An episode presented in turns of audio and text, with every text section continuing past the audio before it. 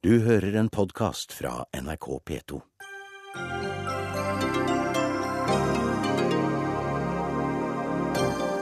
Lockout og varsling om full stans på norsk sokkel. Arbeidsgiverne oppfører seg verre enn Putin, mener streikende oljearbeidere, men møter motparten i Dagsnytt 18. Ikke behov for flere likestillingsreformer i hjemmet, mener Anniken Huitfeldt, som vil at Hanne Bjurstrøm skal overta likestillingspolitikken. Måtte gni meg i øynene, sier Marie Simonsen. Norgeshistoriens største satsing på vindmøller ble vedtatt i dag. Sørgelig, sier Naturvernforbundet, og drar lansen mot vindmølleparken i Rogaland. Og ungdomspartiene har fått mer politisk makt etter 22.07, mener Frank Aarbrot. Hva betyr det, spør vi, og Martin Kolberg svarer.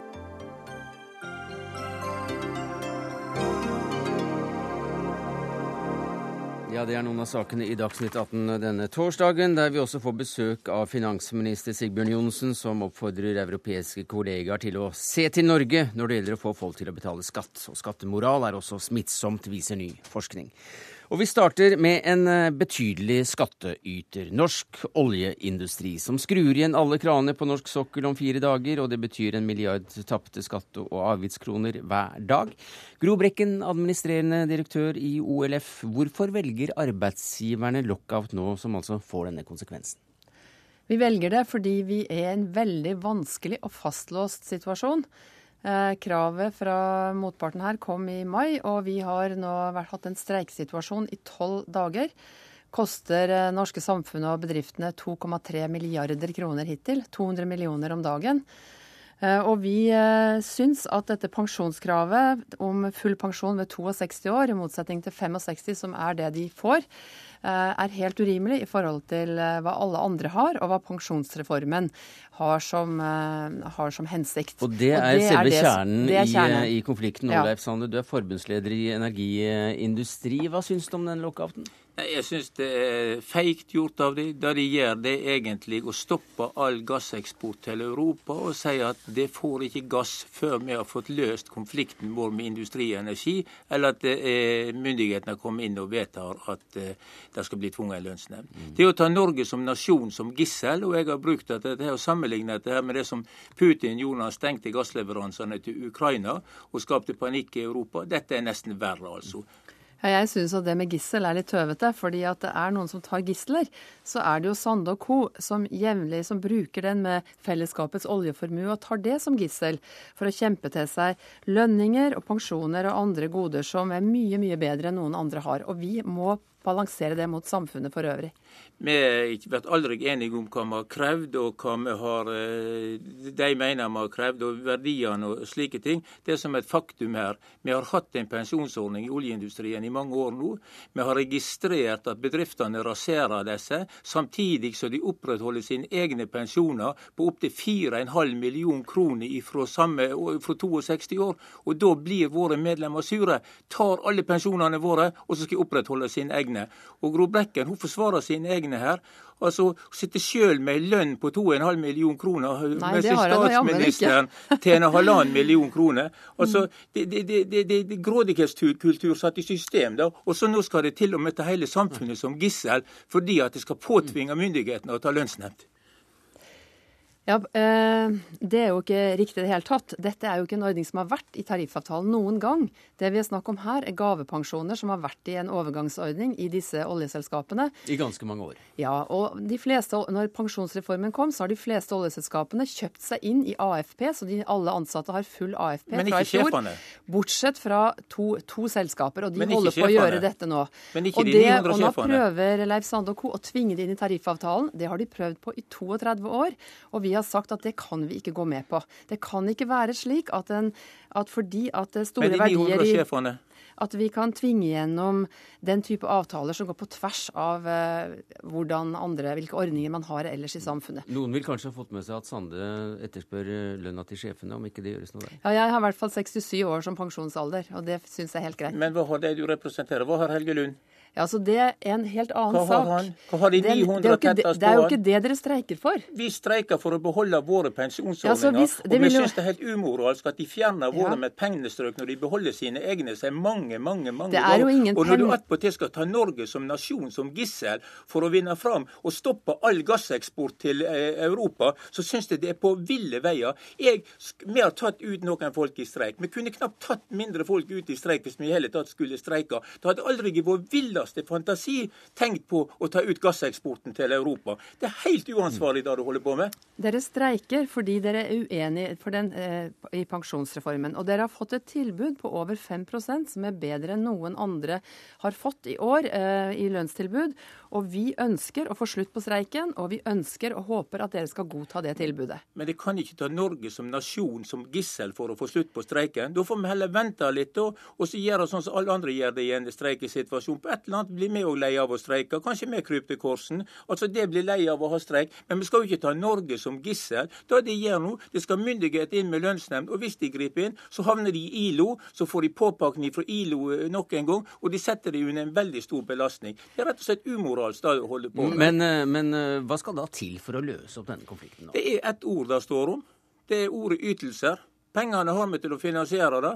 Det er spørsmål om å bruke de pengene til å kunne gi ytelser til folk, eller ha de stående og ikke gi ytelser til folk. Pengene ligger der. Det koster ikke en krone mer å innfri og få en løsning på dette. Altså, Unio-streiken dreide seg om kopp kaffe om dagen, og nå Ja. dreier det seg om et ord? ja, det ikke Nei, ja, det, ordet, og- det ordet er jo ganske vesentlig, da. For at det er er snakk om, så det er jo snakk om skal man ha full pensjon fra 62 år eller fra 65 år.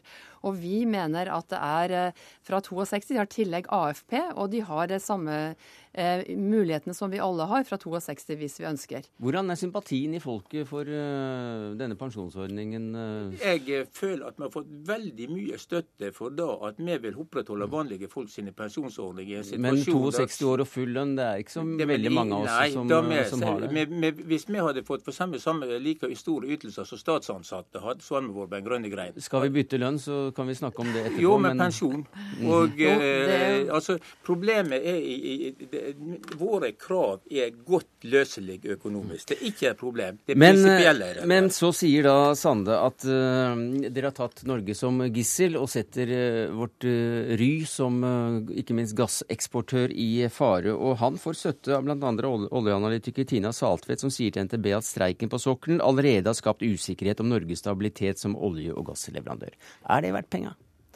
Det er jo en, en, helt riktig det at det er jo streiken, de som streiker, som er uansvarlig. Og vi har oppe i altså, kostnader på over to Ja, milliarder men det er dere som stenger nå kranene på hele sokkelen eventuelt Ja, om vi- fire dager. Og er det verdt penga da å sette Norges renommé som gassleverandør i fare? Det er det eneste virkemidlet vi har når vi ikke klarer å komme til en forhandling og få en slutt på streiken. Men du, er, eh, ønske- du, du ønsker også en tvungen lønnsnemnd? Jeg ønsker å få en slutt på streiken. Du ønsker det- en tvungen Jeg ønsker først og fremst at uh, fagforeningen skal, skal godta det gode tilbudet de har fått på å frafalle dette pensjonskravet, fordi det har de mast om i mange, mange år. Men du har sikkert fått med deg at oljeministeren Ole Borten Moe har sagt at en eh, full nedstengning av norsk sokkel ikke kommer på tale, og da blir det jo lønnsnemnd. Ja, altså Hvis ikke vi er mulig for oss også få, eh, å få en avtale med fagforeningene, så har myndighetene flere virkemidler. Og de, Blant annet så kan de tvinge oss eller be oss om å komme tilbake og prøve å forhandle mer. Så det er Men- flere virkemidler. men hva og da- vi rår ikke over dem. Men nå skal vi ordne opp i dette her eh, en gang for alle. Så hva da hvis dere får eh, disse fulle pensjonsrettighetene i en alder av 63 år? Hadde det vært noe? Er det noe å gå på her? Jo, da, altså, det er klart her er det ting, Ja, det er klart. Det, det er ting å gå på hele veien. og Det er ikke da, det her er prinsippet om at en ikke skal gi noen ting i, i hele tatt. Jo, men 63 år, hadde det vært en mulighet? Dette, dette er lønnsadelen i Norge. De har, kommer til å være Det var ikke det jeg snakket om. Jeg bare spurte om du var 63 år. Var, var det et mulig tall å så så- gå etter heretter? Men hvordan kan vi det når vi fikk en pensjonsreform som er en dugnad fra i fjor? Så vi alle sammen og skal bidra for å få alle gjelder ikke sjefene i eh, oljeselskapene. Når vi som har alle skal 4,5 millioner fra 62 år. Jeg tror de får fortsette dine, den, den samtalen. Nå kommer de sikkert til enighet før dere tar en uh, taxi ned til, eh, til uh, mekleren Gro Brekken, administrerende direktør i OLF. Takk skal du ha. Takk til Leif Sande, forbundsleder i eh, Energiindustri. Ja, Kristine Nergård, forskningskoordinator eh, ved Fafo og da ekspert på lønnsforhandlinger. Så du noen tegn til bevegelse i det partene sier her i dag? Nei, jeg tror nok at dette her eh, kommer til å ende i en lønnsnemnd om ikke altfor lenge. Er det naturlig? Det er slik, altså Vi har sett at eh, flere streiker i oljesektoren har endt i, eh, med lønnsnemnd, og det har skjedd etter nøyaktig samme bilde som nå. Det at man har eh, trappa opp konflikten ved en stor lockout. Men burde da arbeidstakerne her ha forutsett at en lockout var rett rundt hjørnet? Han virket jo veldig overrasket, denne Sande. Eh, nå har man nok vært eh, klar over at det har vært en mulighet. Eh, streikeuttaket har vært veldig forsiktig. Man har mm. ikke trappa opp streiken sånn som er vanlig. Så jeg tror nok at arbeidstakerorganisasjonene har gjort det de har kunnet for å hindre en slik utvikling som vi ser. Vi hørte jo at, at Brekken fra OLF ikke vil innrømme at det var lønnsnemndene de gikk for, men det er det vel? Ja. Vi vet at hvis man stenger ned hele norsk sokkel, så blir det en lønnsnemnd. Det har vi sett flere ganger tidligere. Men er, er det strengt tatt uh, lovlig internasjonalt? For uh, er det ikke slik at mer og mer skal knyttes opp mot liv og helse i fare, og ikke økonomi, når det gjelder bruk av lønnsnemnd rundt omkring i forskjellige stater? Ja, Det får vi nå se da, når det kommer en eventuelt Først må det jo komme en lønnsnemnd, og så får vi se om det blir en klage. Men norske myndigheter har nok uh, bestemt seg for at uh, man gjør et vedtak uavhengig av det når det gjelder en så stor uh, konflikt i Nordsjøen. Det har vi sett tidligere. Hva skjer da når det kommer en lønnsnemnd? Da kommer, blir saken sendt over til Rikslønnsnemnda, som setter seg ned og da fatter et vedtak. Altså rett og slett fastsetter en tariffavtale for denne sektoren. Og det vi vet fra tidligere vedtak i Rikslønnsnemnda, er at de i veldig liten grad fatter vedtak om prinsipielle saker. Så det betyr at eh, det er liten sannsynlighet for å få gjennomslag for disse pensjonskravene mm. man har, hvis man da havner der. Eh, det er eh, snakk om tid her, ifølge det man kan lese ut av oljeministeren, som da sier at det er helt utenkelig å stenge hele, hele sokkelen. Ikke minst pga. gasseksporten til Europa. Det tror nok jeg også. Nå har man et par dager på seg, men det skulle ikke forundre meg om man blir innkalt til arbeidsministeren, for det er hun som avgjør dette her i løpet av morgendagen, eller kanskje senest mandag. Takk skal du ha, Kristine Nergård, forskningskoordinator ved Fafo.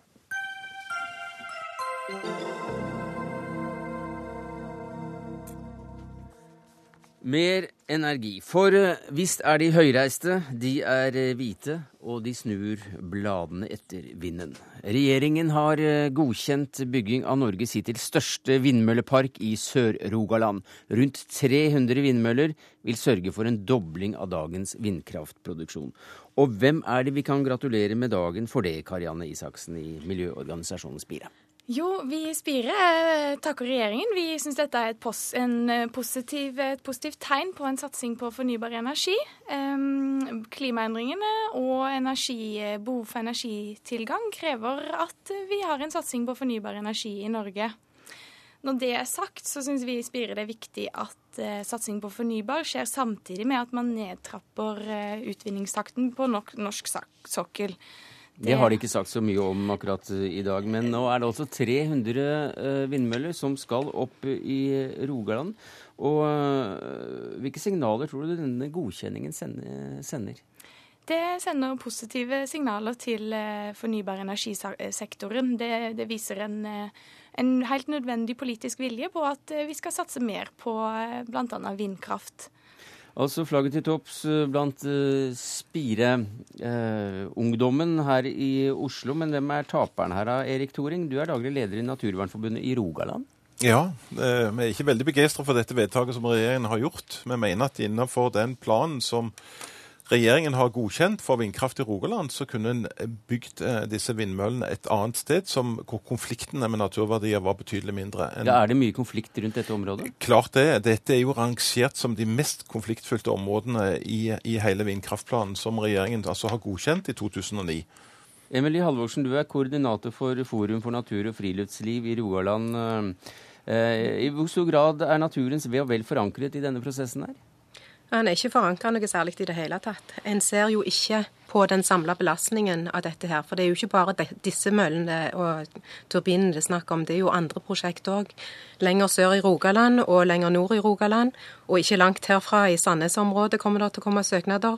Um, også opp gjennom hele kysten.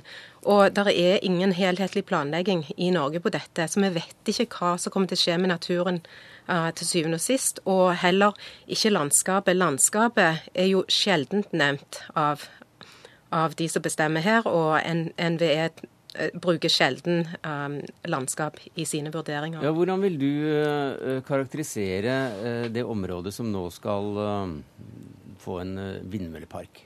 Det er flott, vilt og vakkert. Det er fantastiske plasser der du ser hav. Du går opp på mange topper og ser havet. Og det er bosted for mange arter, flere trua arter. Så uh, en begrenser uh, leveområder, store leveområder for bl.a. hubro um, hvis en bygger der. Og dette her blåser dere i spire i, Karianne Isaksen. Det virker jo helt urimelig? Eh, nei, det er klart at vi ikke blåser i naturmangfoldet. Eh, og vi er veldig opptatt av at eh, vill og vakker natur og naturmangfold må bevares i Norge. Men? Men vi må tåle noen inngrep i naturen. Om vi ikke tar klimautfordringen på alvor, så kan så kan inngrepene i naturen eh, bli enda større. Så det er en viktig balanse å finne eh, med naturmangfold, men vi, vi trenger vindmøller. Hva sier du til det som eh, leder av Naturvernforbundet i Rogaland, Torin?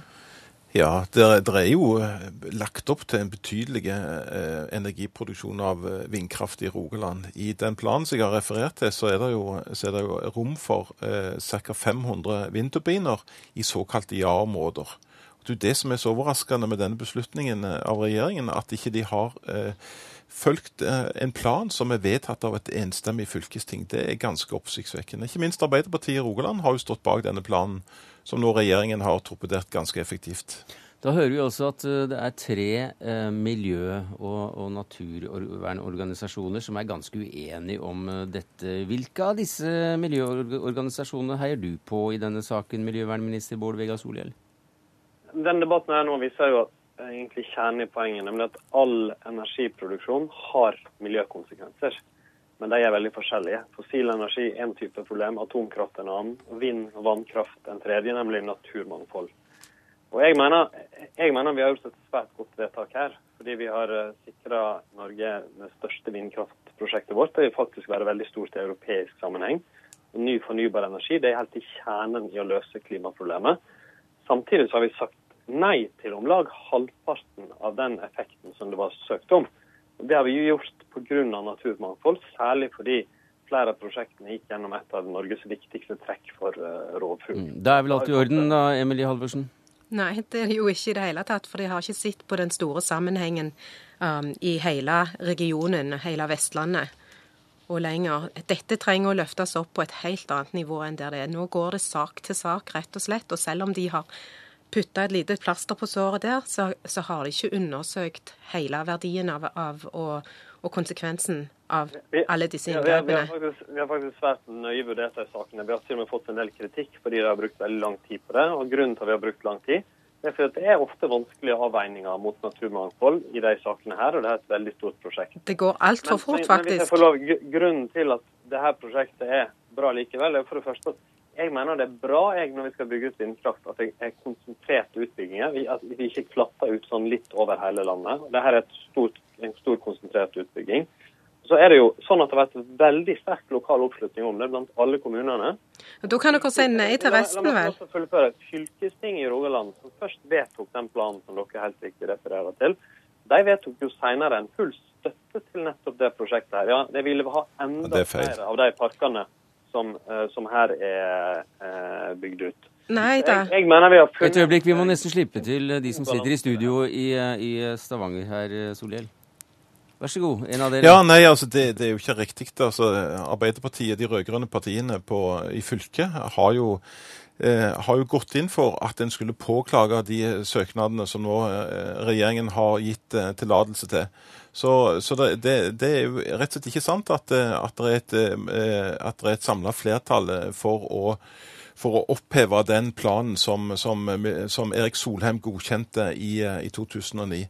Eh, så det, det, er helt åpenbart at, at her burde en, burde en, sagt nei til, til, til, å bygge ut i dette området pga. de svære naturverdiene som finnes, og som er godt dokumentert. Mm. Og så burde en gått på inn i de ja-områdene som denne planen har vist så tydelig til. Solhjell. Altså, vi har sagt nei til en god del av det nettopp pga. viktige naturverdier. Men hvorfor legger dere ikke heller til sånne ja-områder, da, som uh, Naturvernforbundet snakker ja, om? Noen av de prosjektene her er i områder som ligger i den planen som fylkestinget har vedtatt. Andre er utafor der, men der har fylkestinget gitt sin støtte til det. Og Når vi har gått inn i saken og vurdert det veldig nøye, så mener vi at det er riktig å bygge ut vindkraft i ganske stort monn i et område med små naturkonflikter. Men vi har sagt nei der det er vesentlige naturverdier som er trua. Halvorsen. Vi har, vi har... Halvorsen, vi må det, slippe Halvorsen her. Det er fremdeles uh, en sak for sak-behandling. En ser ikke hele regionen i sammenheng. Og det, det ettersøker vi. Er, vi vet ikke hva som skjer på he, hele på landsdelen. Og det er jo flere saker nå oppe i nordfylket, både i såkalte nei- og ja-områder. Det er ny informasjon som har kommet fram om at det er større konflikter enn det en først trodde. At en trenger en revidering av vindkraftplanen, absolutt, av mange årsaker. Det er både naturvernere og utbyggere som ønsker en revisjon av denne her, av forskjellige grunner. Så her er det ny informasjon som en velger å mm. overse. Mm. Solhjell, er det ikke slik at dette her er en, er en klassisk konflikt mellom det mer lokale naturverninstituttet og da behovet for å hjelpe verden eh, til å bli renere? Jo, på mange måter kan du si det. Miljøvern mot eh, naturvern? Ja, det er en avveining mellom to veldig ulike miljøhensyn. Der vi har prøvd å finne en god balanse og ivareta begge. Men, Men vi begynner i feil ende. Det jeg syns er et godt poeng som kommer fram i debatten her, det er at både når det gjelder vind og småkraft, så kan vi ha behov for et mer nasjonalt, helhetlig grep om utbyggingene enn det vi har i dag. Fordi nå kommer det veldig mange søknader, og vi legger opp sjøl til å bygge mer ny fornybar energi framover. Og Kanskje må vi da tenke mer samla, ikke bare mm. regionalt, men nasjonalt om det. Så langt miljø- og naturverninteressene. Men hva med estetikken da, Thomas Sørbø? Du er kunsthistoriker og forfatter. Er, det, er vindmøllene ganske vakre, egentlig? Eh, det kan jo være det. Det spørs jo på hvem som ser, og ikke minst når man ser på dem. Eh, på 1600- og 1700-tallet så var det jo veldig populært med vindmøller inn i billedkunsten. Mm. Rembrandt f.eks. Da jeg hørte beskrivelsen av hvordan det så ut der oppe på Bjerkreim, så tenkte jeg at det hadde vært et flott motiv for Rembrandt. Med et glimt av havet, høye, drivende skyer, og så en og annen vindmølle i horisonten. Eller eh, oppe på en ås. Det var et sånn typisk Rembrandt-motiv. Men hvordan har da menneskets syn på, på, det som er estetisk i naturen, og det som ikke hører hjemme der, forandret seg gjennom tidene? Ja, det går jo særlig da på at uh, på tidlig 1800-tall, eller kanskje slutten av 1700-tallet, så kom det en forestilling om at det var den uberørte natur, der hvor ikke mennesket hadde satt sine spor. Uh, det som var isfjell og isbreer og stupbratte fjellsider og opptrekkende uvær og det som den tyske filosofen Immanuel Kant kalte for stolte situasjoner. Det var det mennesket skulle søke. Det var der man så Guds storhet og følte menneskets litenhet. Og det er klart at uh, veldig mye av romantikkens forestilling om den rene, uberørte natur, den uh, bærer jo vi med oss i dag. Kanskje særlig i Norge. Og i sammenheng så vil jo en vindmølle være en inngripen og en påminnelse om at vi til syvende og sist kanskje dominerer eh, naturen. Mens tidligere tider så var det også da det kultiverte landskapet som ble sett på som vakkert? Da var det det parkaktig idyll. og. Det slår meg jo når jeg, når jeg, hører om disse vindmøllene at, at vi har jo den estetikken fremdeles i enkelte hager, som kanskje den gode smak ville oppfatte som litt kitschy, med sånne små vindmøller som står i hagen og virrer og går sammen med noen hagenisser og en plastand her og der. Så Det er på en måte en slags sånn 1600- og 1700-tallets estetikk som har overvintret i eh, folkedypet, men det er jo vindmøller på en meter høye og ikke flere hundre, da, sånn som det er snakk om her. Men uh, Sørbø, så uh, når da et uh, vanlig pissoar kan oppfattes som kunst, som da Duchamp stilte det ut for snaue 100 år siden, så kan vel vindmø en vindmølle også ses på det i 2012 som et praktfullt stykke kunst? Eh, Ja, i 2012 kan i prinsippet det, det at vi snakker sammen nå være et kunstverk. Så alt kan bli til kunst uh, i, i 2012, uten at jeg deler det synet. Men det er mange som syns at en vindmølle kan være uttrykk for en slags sånn teknologisk triumf. Og jeg husker jo eh, godt eh, avisoppslag og hvem var hvor og sånn fra 1960-tallet. Når de nye amerikabåtene kom. Og det var en slags kollektiv stolthet hvor det estetiske betydde mye. Og man viste at det ville ta hele Karl Johan, og det var så og så høyt og digert og svært. og det var en slags sånn blanding av nasjonal stolthet og estetisk nytelse i den moderne teknologien. Så det er klart man godt kan tenke sånn om vindmøller også. Tenker du sånn om vindmøller, Karianne Isaksen? Ja, jeg tror absolutt de kan være fine, eh, men eh, ja. Men viktigst at de, de er ren energi, da. Takk skal du ha, Karianne Isaksen, avtroppende koordinator for klimautvalget i miljøorganisasjonen Spire. Bård Vegar Solhjell, miljøvernminister. eh, Erik Thoring, daglig leder i Naturvernforbundet. Emily Halvorsen, koordinator for Forum for natur og friluftsliv i Rogaland. Og til deg, Thomas Hørbø, kunsthistoriker og forfatter. Hør Dagsnytt 18 når du vil, på nettradio eller som podkast. nrk.no – dagsnytt 18. Ja, I helgen uttalte Anniken Huitfeldt at ansvaret for likestilling bør flyttes fra Barne-, likestillings- og inkluderingsdepartementet over til Arbeidsdepartementet, der Hanne Bjurstrøm regjerer. Og politisk redaktør i Dagbladet, Marie Simonsen, hvordan reagerer du på Huitfeldts utspill? Nei, det er jo ganske oppsiktsvekkende, egentlig. Det er ikke så mange som er opptatt av likestilling, men vi som følger med på det, vet jo at uh, dette er jo på mange måter et brudd med norsk likestillingspolitikk, og da selvfølgelig Arbeiderpartiets likestillingspolitikk som er sentral i oppbyggingen av den. Uh, det norsk likestillingspolitikk suksess eller merkevare har vært, er jo at den har vært sektorovergripende. Den har nettopp erkjent at likestilling ikke kan Man kan ikke fikse likestilling på ett område, bare eh, arbeidsmarkedet. Man må også se på hva skjer i hjemmene, i skolene, utdannelse, helsevesenet osv. osv. Og det har jo vært, eh, vært eh, holdningen i politikken så langt. Og så sier da Anniken Huitfeldt på toppen av det hele, som jeg syns kanskje er det jeg stusset mest over, at hun mente nå at familiepolitikken nærmest var i boks. Mm. eh, og at det bare var holdninger som sto igjen. Ja, For norsk det- likestillingspolitikk er så vellykket at Arbeiderpartiet vil legge den ned, skriver du i Dagbladet i dag. Ja, og det jeg sikter til da, er selvfølgelig at Anniken Huitfeldt vil ikke avskaffe likestillingspolitikk, men, eh, men, eh, men legge den ned på den måten som vi kjenner den i dag. Da hørte vi deg der du sitter i studio, Førde-kulturminister Anniken Huitfeldt. Du får med deg kritikken fra Marie Simonsen her i Oslo. Hva sier du til den? Så jeg mener at likestillingen fortsatt skal være sektorovergripende. Men siden vi oppretta Barne- og familiedepartementet, så har vi kommet i mål på de store familiepolitiske reformene. Vi har dobla antall barnehageplasser og fått full dekning. Halvert prisene. Fått eh, fødselspermisjon som er over et år, og tolv ukers pappaperm. Så der vi ser at det er store utfordringer nå, det er i arbeidslivet.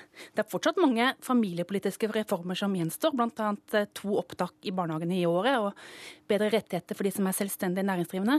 Men hvis vi ser altså på hvor kvinner blir virkelig urettferdig behandla, så er det i arbeidslivet. Og Det og dermed så flytter man hele politikken Ja. over til Ja, Arbeidsdepartementet, og det er jo ganske god idé. Det er- Men det er det- der jeg ser at utfordringene nå Mm. er aller størst. Og da må vi tenke nytt og se der kvinner virkelig trenger hjelp Mm. og støtte nå for å dette få er en er dårlig idé. Altså, Hanne Bjurstrøm har frie hender og faktisk plikt og rett til å drive med likestilling i sitt departement. Og, og kan gjøre en enda bedre jobb der. Eh, men det er jo mange ting som er viktige for likestilling, og også for kvinners deltakelse og yrkestilknytning, som ikke faller inn under en arbeidsministers oppgaver. Det er heller ikke der kunnskapen og kompetansen er. Den er bygget opp i Barne- og likestillingsdepartementet og ligger ikke der. Ja, og Derfor så bør jo den avdelingen kanskje flyttes over til Arbeidsdepartementet, og at Arbeidstilsynet får en mye større rolle og i følge opp likestilling i arbeidslivet. Vi ser at mange som er gravide blir diskriminert. Vi ser at veldig mange ønsker å jobbe i heltidsstillinger, men de blir bare tilbudt deltidsstillinger. Vi ser at arbeidsbelastningen er store. Så jeg syns du skal tenke litt grann nytt, Marie Simonsen, og, ikke, og slutte å beskylde Nei. meg for at jeg ikke er opptatt av likestilling. For Men- jeg men- tror at hvis du snakker med vanlige norske, norske kvinner, så ser vi at det er der utfordringene nå er aller, aller størst. Men hva er i all verden er hensikten med å flytte et departement over i et annet? Altså Det er liten eh, tvil om at Arbeidsdepartementet er et stort og viktig departement som har eh, særdeles eh, store oppgaver, f.eks. Nav-systemet og alt dette her. skal likestilling være en liten del av det? Det har jeg veldig liten tro på. Og det er ikke bare familiepolitikken for den velbergede middelklassen likestillingen skal gjelde for. Det er mange utsatte grupper som ikke Eh, kan, kan, eh, reddes av arbeidstiltak og arbeidsmarkeds eh, likestilling på arbeidsmarkedet. Vi snakker også f.eks. om vold mot kvinner, hvor Norge bl.a. fikk kritikk fra FN for at vi ikke gjør nok. Skal Hanne Bjurstrøm også gjøre noe med det? Ja, det er jo ikke noe argument at vi ikke gjør nok i forhold til vold mot, mot, mot, kvinner, det som er mitt forslag. Jeg mener at dette vil gi likestillingspolitikken økt tyngde. For til nå så har det vært reformer for barnefamiliene som har vært viktig. Men det er, er vi i stor grad i mål. Og jeg er bekymra når jeg ser hvordan mange kvinner behandles i arbeidslivet. Mm. Hvor stor sykemeldingene er. De er 60% høyere blant kvinner enn blant menn. Og det sier ganske mye om det yrkeslivet vi i dag har. Men du, dagens likestillingsminister, vi har jo en likestillingsminister. Hun heter eh, Inga Marte Torkelsen, er fra SV. Har du snakket med henne om dette?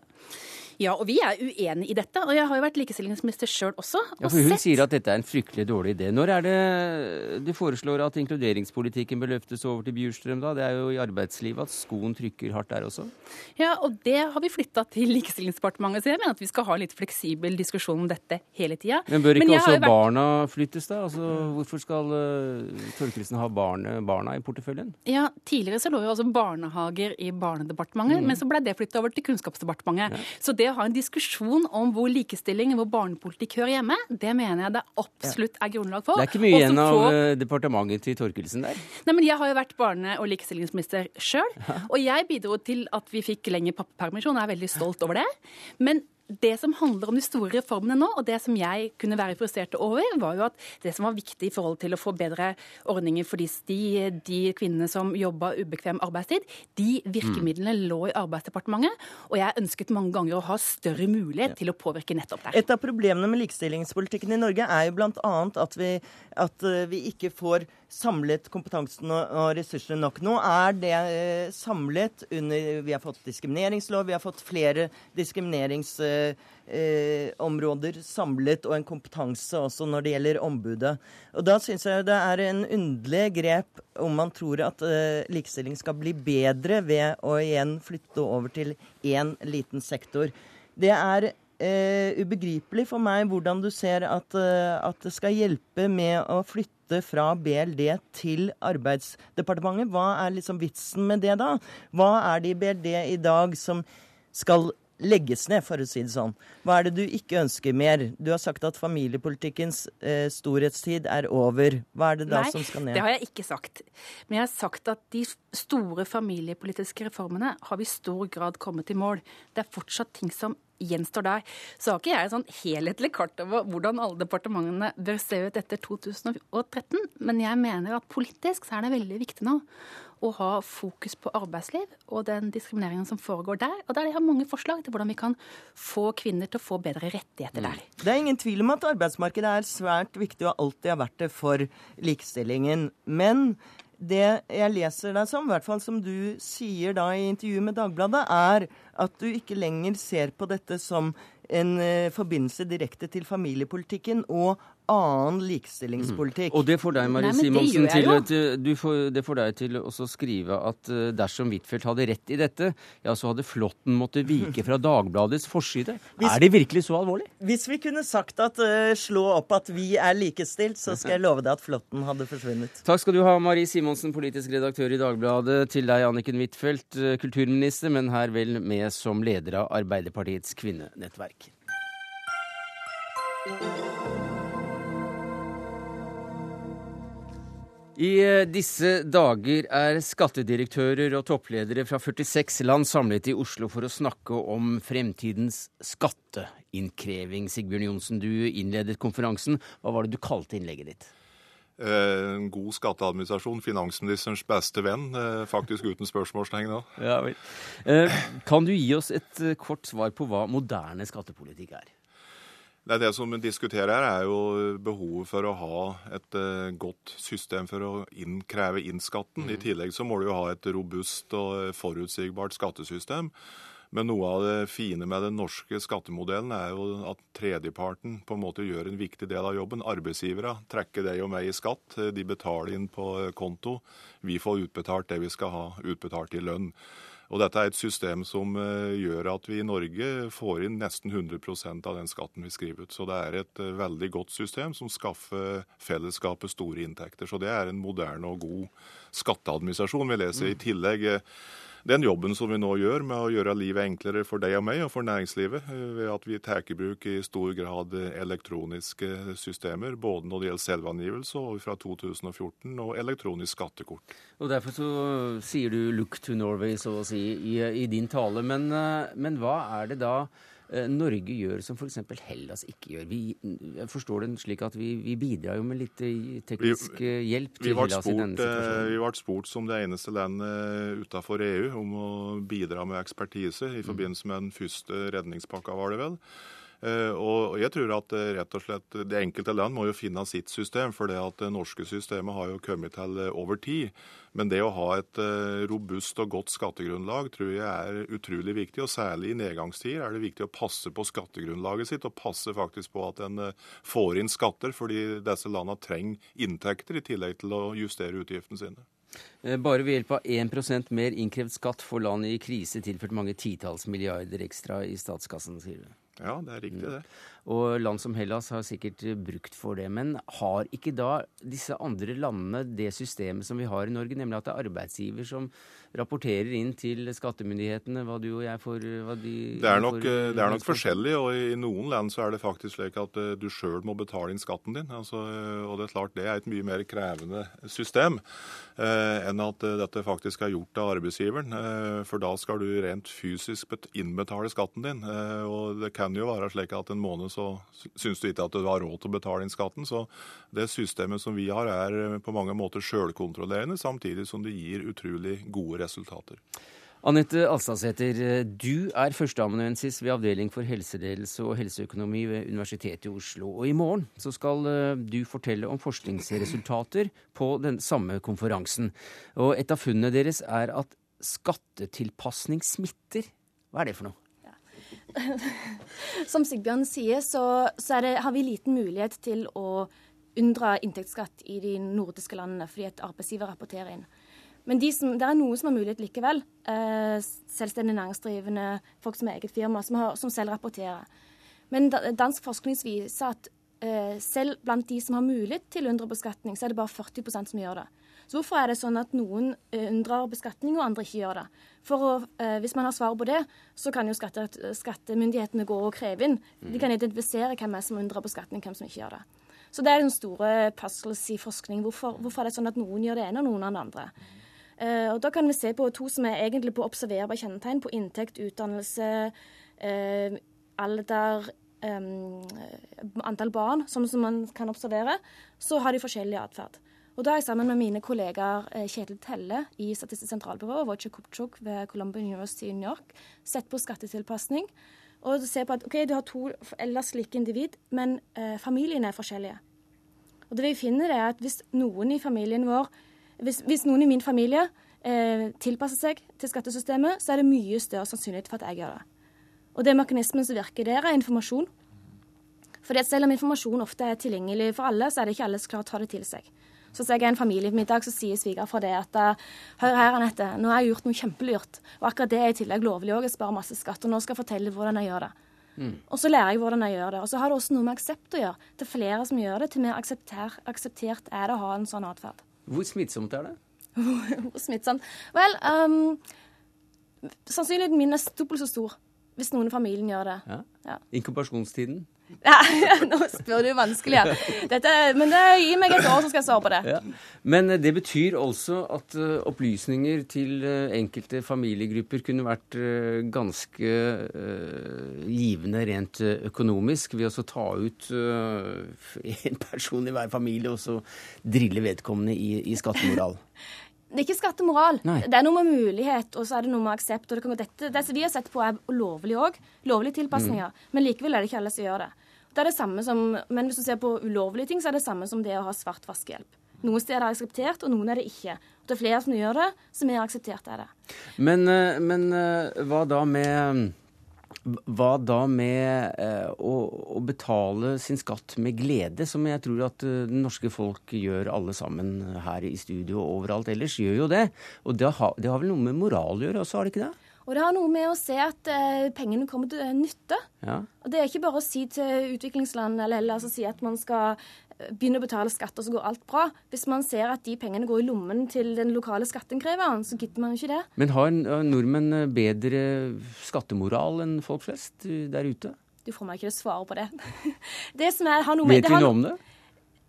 Moral er veldig vanskelig å måle, sant? for det har noe med informasjon å gjøre, det har noe med normer og hva som Og moral er jo Skattemoral eller noe enkelt, det er veldig sånn dømmende.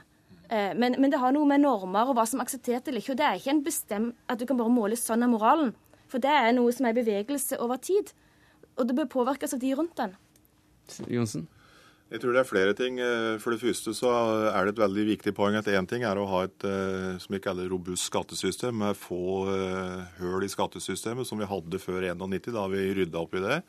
Og fikk et mye mer robust skattesystem og lavere skattesatser, som var poenget da. Eh, og det å kreve dem på en god måte. Det andre er jo hvordan vi bruker pengene. Hvordan vi bruker fellesskapets inntekter på utgiftssida i statsbudsjettet. Og Der har jo slike som meg eh, og folk i Stortinget en veldig sentral rolle. Folk i kommunen, og de skal vedta til de ulike formåla. Og det vi også skal jobbe med nå framover, er å gi bedre opplysning til eh, hver enkelt skattyter hvordan skattepenger blir brukt. Og Vi ser nå på metoder for å gjøre det, i forbindelse med f.eks. når du får sjølangivelsen til, mm. til gjennomføring gjennomsyn. Og Det dreier seg om informasjon, som Anette her sier, og hvor viktig det egentlig er. Og Jeg tror at eh, det at en ser at det er en nær sammenheng mellom eh, det du betaler i skatt og de formåla dette dekker for å styrke velferden, gjør at folk mm. betaler skatten sin med med glede. Ja, eh, Det er så gøy å betale skatt, så regjeringen vil kanskje foreslå skatteøkning snart? Nei, eh, vi har sagt at uh, vi har gitt et skatteløfte, uh, og det, det, står vi fast ved. Men dette, dette seminaret, uh, fleredagersseminaret som altså deltakere fra 46 Dette er det med en generalforsamling. Generalforsamling? Ja. ja. hvorfor arrangerer dere det? Nei, dette er en, det er en uh, europeisk organisasjon som heter IOTA, som er uh, en internasjonal uh, fore, sam, forening for skatteadministrasjoner i nå 46, unnskyld, 46 europeiske land. De har vel i dag tatt opp Kasakhstan som medlem, så det er et, et samarbeid på tvers av skattedirektorater i mm. 46 europeiske land. og Dette går på rundgang, og i år har Norge presidenten som er vår skattedirektør. Dette her eh, lille seminaret vi har hatt i Dagsnytt 18 i dag, det var jo da et slags vorspiel. Nå starter festen på Akershus slott, hvor hele Europas skattemyndigheter altså skal spise og drikke godt. Derfor gallakjolen til den kvinnelige gjesten her, eh, for de som titter på programmet. Og jeg skal ha med slips. Ja. Hva serverer du slike folk da, Johnsen? Vaskereif til havrelefse? Nei, jeg tror det er en, eh, en god norsk eh, fisk til forrett, og så er det jeg tror, lam til hovedrett. Men, Litt å drikke òg? Ja, det blir eh, vin til de som ønsker det, og, min, og alkoholfritt til de som ønsker det. Statsråden, Statsrådsbilen venter. Eh, ha en fin fest. Takk for at eh, dere kom til Dagsnytt 18, Sigbjørn Johnsen og Anette Alstadsæter.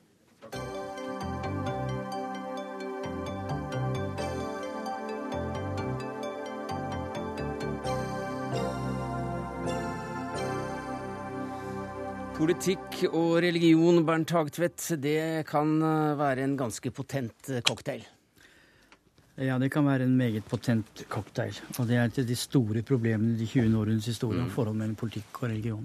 Politikk og religion er også da tittelen på denne boka, som du og historikerne Øystein Sørensen og Bjørn Arne Steine er redaktører for. Hva slags tankegods er det dere har samlet mellom to permer Vi prøver å stille spørsmål om uh, hvordan de totalitære ideologier kan anta religiøse former. Hengivelse, dyrking av leder, eh, riter, totale svar. Folk søker en mening i totalitære ideologier, og blir da disse ideologiene får en religiøs funksjon. Det er det ene vi tar opp. Og det andre er hvordan enkelte regimer bruker religionen for å legitimere seg selv. Franco, mm -hmm. Hitler til dels italienske fascismen, og hvordan kirkeledere bruker regimer for å legitimere sin egen eh, sin egen religion. Men det er jo, når det gjelder katolske kirke, er det jo både òg. Den katolske kirke var jo også radikal, f.eks. i, i Latin-Amerika. Og etter Franco så brukte jo radikale spanjoler den katolske kirke for å fjerne stempelet av Franco. Så det er begge sider. Religion kan bruke regimer, og regimet bruker religion. Det er det som vi er opptatt av. Du, jeg ser her at uh, professor Linz er bidragsyter, og han uh, begynner sitt kapittel med å fortelle at han som tiåring spiste middag hos en familie som takket der Führer for maten. Ja, Han eh, ble også undervist av en bolsjevikisk revolusjonær som ung gutt. Ja. Men ja, han, han, er jo den som først og fremst har diskutert forholdet mellom ritualistisk sakralisering av politikken og totalitære ideologier. Og eh, han er veldig opptatt av at Hitler prøvde jo å skape sin egen religion, altså kristdemokraten, kristelige demokraten. Mm. Men der mislyktes han. Så altså nazipartiet prøvde, men fikk ikke til å skape sin egen variant av kristendommen. En slik ting har vi ikke sett, så vi ikke f.eks. i Franco. Jeg har ikke sett den i, i Latin-Amerika. Så der er nazipartiet helt spesiell, og han Linz er opptatt av akkurat det. Hvorfor? Snart 100 år gammel. Nei, Linz er født i 28. Ja. Ellers spennende boka overalt fra amerikansk eh, kristenfundamentalisme til uh, eh, SS' verdensanskuelse.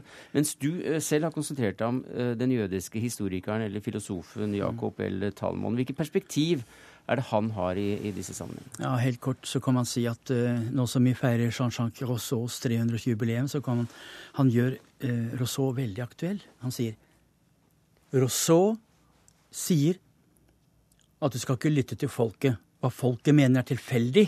De er fattige og vet ikke nok. Det er vi intellektuelle som må vite hva allmennviljen er. Vi fortolker allmennviljen inntil folket selv kan avgjøre. Og den mekanismen blant de intellektuelle finner Talman hos Lenin, han finner hos Hitler, og senere vil han selvfølgelig ha funnet hos Mao, Pol Pot ja, og Pål Steigan.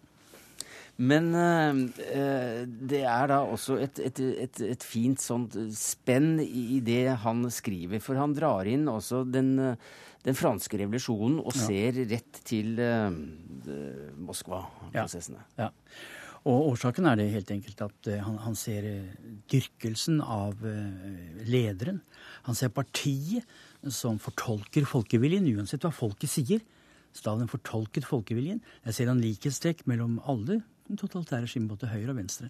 Og ikke minst er han opptatt av den selvrettferdighet som den følelsen av å ha rett alltid har. Det å ri på historien gir deg rett til å bruke vold, for du er i en hellig saks tjeneste. Anders Behring Breivik er den siste eksponent for den tankegangen der. Ja, Apropos, eh, du skriver også denne gangen noe om eh, forskjellene og likheter mellom eh, høyre- og venstreekstreme diktaturer. Ja. Ja, og bruker Talbot der. Ja, altså Talman eh, sier at eh, høyrediktaturer sier at folket må kastes disse illusjonene i øynene for å holde dem rolig. De, der må ideologien brukes som kontrollmekanisme. Mens derimot venstreekstremismen sier vi må bruke vold for å få til det endelige utopiske samfunn. Mm. Det er en interessant forskjell. Subtil kanskje, men det er en interessant forskjell mellom høyre og venstre i europeisk politikk. Ellers er det jo bidragsytere som tar opp en, en mengde temaer, og på forsiden så er det et fenomenalt bilde av Komeinis fra hans eh, glansedager ja. med, en, eh, med, en, hånd over eh, tur, turbanen. Ja, altså Shahens store tabbe var jo å undervurdere eh, kleresiet, mm. altså prestene. At han forsøkte å gjennomføre en modernisering uten å spørre basarene, uten å spørre moskeene. Og de reagerte jo voldsomt og fjernet jo sjahen. Fordi de ville ha modernisering, ja, men innenfor en religiøs ramme. Det var en grandios tabbe fra shahens side. Tar dere også opp uh, forskjellen i moderniseringsprosesser i uh, muslimske og ikke-muslimske land?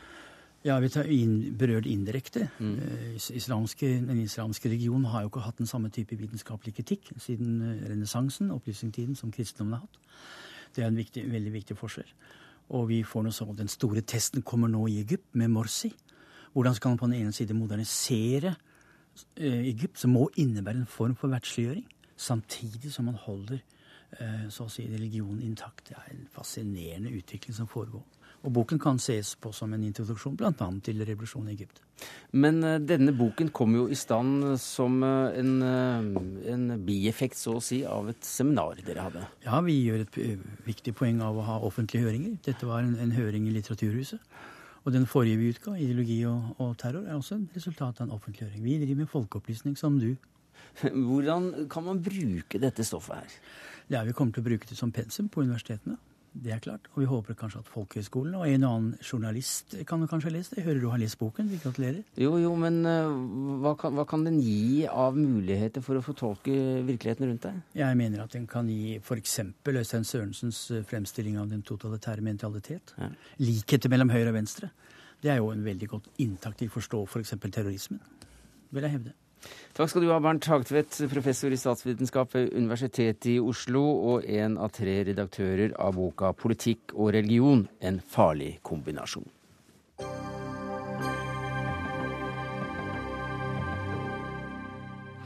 Forholdet mellom eh, moderpartiene og ungdomspartiene har endret seg etter 22. juli. Ja, det hørte vi professor i sammenlignende politikk Frank Aarebrot eh, si til P2s Nyhetsmorgen eh, i dag.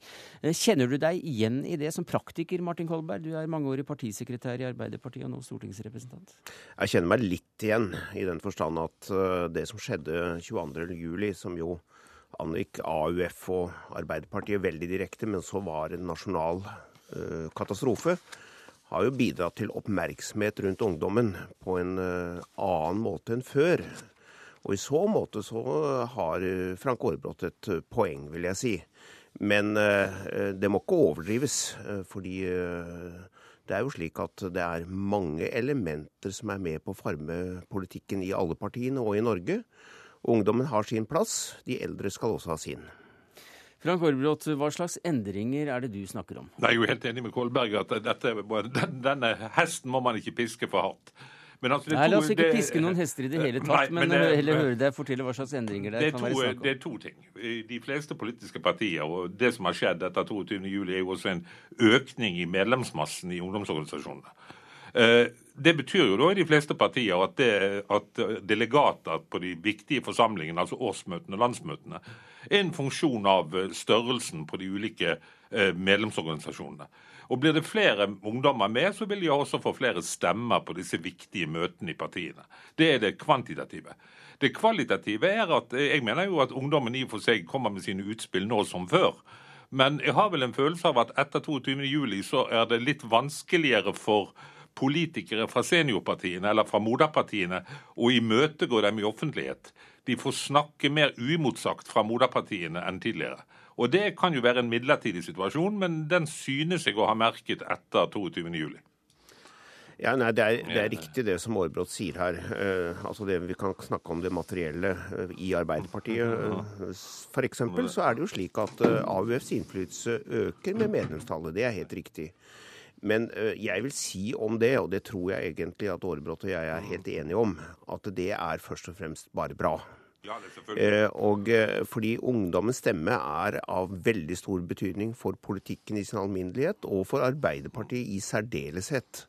Eh, fordi det er helt nødvendig at vi har ungdommens stemme veldig tydelig til stede. Og jeg husker jo tilbake til tid hvor det der var mye, mye vanskeligere. Ja, Hvordan da? Altså, du har jo selv vært AUF-sekretær. Ja. Eh, hvordan var forholdet til moderpartiet på den tiden? Mye mer anstrengt enn i dag. Mm. Hvordan, mye hvordan vanskeligere. For det første så tilhører jo jeg, i, i likhet med min forgjenger her, vi sitter og snakket litt om dette, Hagtvedt og jeg, eh, om vi som er eh, nesten 68 eller 68, vi var jo mye mer i konflikt med moderpartiene enn ungdommen er i dag. Mm. Det gjelder allment det gjelder i hele Europa, og det gjelder også i Norge. Og det gjelder ikke minst innenfor det vi kan kalle for den sosialdemokratiske sfæren.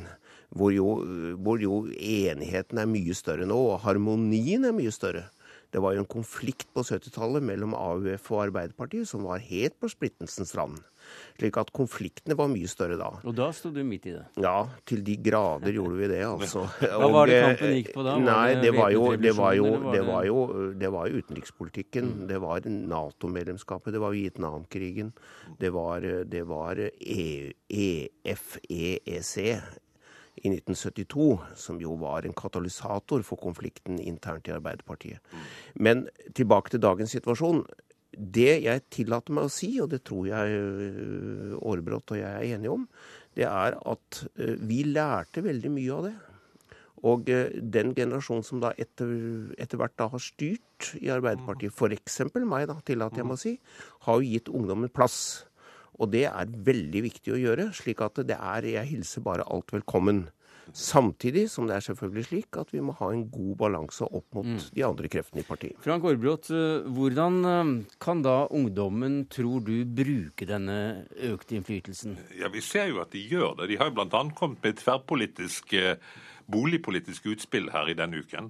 Eh, og Det fikk meg grunn til å tenke, reflektere litt over hva ville skjedd hvis ungdomspartiene hadde altså, sine meninger hadde vært moderpartienes meninger f.eks. de siste ti årene. Da tror jeg nok f.eks. at vi ville hatt en mye mer eh, tidsriktig narkotikapolitikk. Jeg tror at vi ville hatt en bedre boligpolitikk. Jeg tror jeg er redd at hvis ungdommen hadde fått bestemme, hadde vi hatt en mye mer rølpete utenrikspolitikk. Men eh, altså, det er helt åpenbart at på noen områder, sånn som boligpolitikk og narkotikapolitikk, der føler jeg at ungdomspartiene, de forskjellige partiene, faktisk har en mer realistisk og fornuftig politikk enn sentralpartiene. Ellers kan man jo si om ungdomspolitikere at de er preget av mer av ideologien av statsbudsjetter. Og, og det er jo selvfølgelig noe man må ta høyde for når man hører på utspillet. Ja, jeg er enig i mye av det som sies her. Ja. Eh, og det er åpenbart at vi ved mange korsveier burde lytte mer konkret, da, mer materielt, for å si det slik, til ungdommen enn eh, vi kanskje ofte gjør. Eh, Det med boligpolitikken er jo et veldig godt og typisk eksempel på dette. Eh, Fordi der er det helt åpenbart at det bygger seg opp veldig store problemer, og at de mekanismene vi har i dag ikke fungerer som de skal. Det er helt åpenbart. Og det utspillet som nå har kommet eh, fra ungdomsorganisasjonene i sin alminnelighet, altså de politiske ungdomspartiene, det hilser jeg velkommen som et viktig del av denne diskusjonen. Men, men det betyr at med denne økte innflytelsen så kan også ungdomspartiene i større grad sette dagsorden, Frank Aarebrot? Ja, når de, blir, når de kommer med sine utspill blir stående uimotsagt, og ikke minst når de kommer med tverrpolitiske utspill som liksom retter fokus mot problemområder i samfunnet, da tror jeg de har en unik mulighet nå til å øve stor innflytelse på politikken. Kjenner du til eh, andre land eller fenomener eh, der store tragedier har ført til mobilisering av, ungdommer, slik vi har sett i Norge?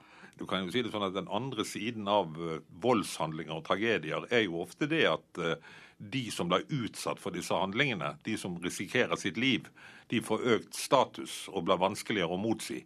Det gjelder jo også hvis du ser på søkningen til de militære uh, utdanningen etter, etter at vi har fått fallende i Afghanistan, så øker søkningen til den militære utdanningen.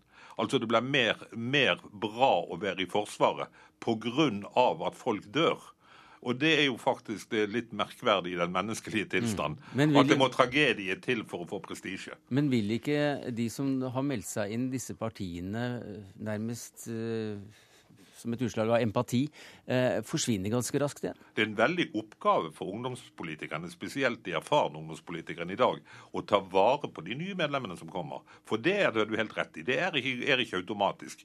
De kan ikke bare regne med at de er fanget av organisasjonen. Og nettopp de som kommer inn på empatisk, eller kanskje en følelse av at ungdomspolitikk er tøft, ungdomspolitikk er inn, de må tas vare på på en eh, veldig eh, bra måte. Og der er jo det opp til de enkelte partiers organisasjoner at de evner å gjøre det. Vil denne mobiliseringen Kolberg, kunne ha noe å si for neste års valg? Det er jeg ikke sikker på, men det vil kunne ha mye å si for Arbeiderpartiet på litt sikt, eh, slik som Aarbrot er inne på nå. Eh, Det fordrer at både AUF og Arbeiderpartiet er i stand til å ta vare på de som nå kommer. Eh, Men jeg ser fortrøstningsfullt i møte de, den tiden som nå kommer. AUF er en strålende organisasjon. Var det før 22. Eh, Er det i dag? Har jo klart denne situasjonen fantastisk godt, vil jeg si. Eskil Pedersen har i hvert fall kommet med ett veldig godt råd til Arbeiderpartiet i forbindelse med valget neste år. For Guds skyld ikke ha diskusjoner om pappvin. Da setter vi strek med pappvinen her i Dagsnytt 18 denne torsdagen. Takk skal du ha, Frank Aarbrot på linje fra Bergen. Martin Kolberg, parlamentarisk nestleder i Arbeiderpartiets stortingsgruppe og stortingsrepresentant for Buskerud. Takk skal dere ha. Det var det vi rakk i Dagsnytt 18. Takk takket være ansvarlig for det hele, Karoline Rugeldal. Det tekniske ansvaret hadde Hanne Lunås. Jeg heter Sverre Tom Radøy.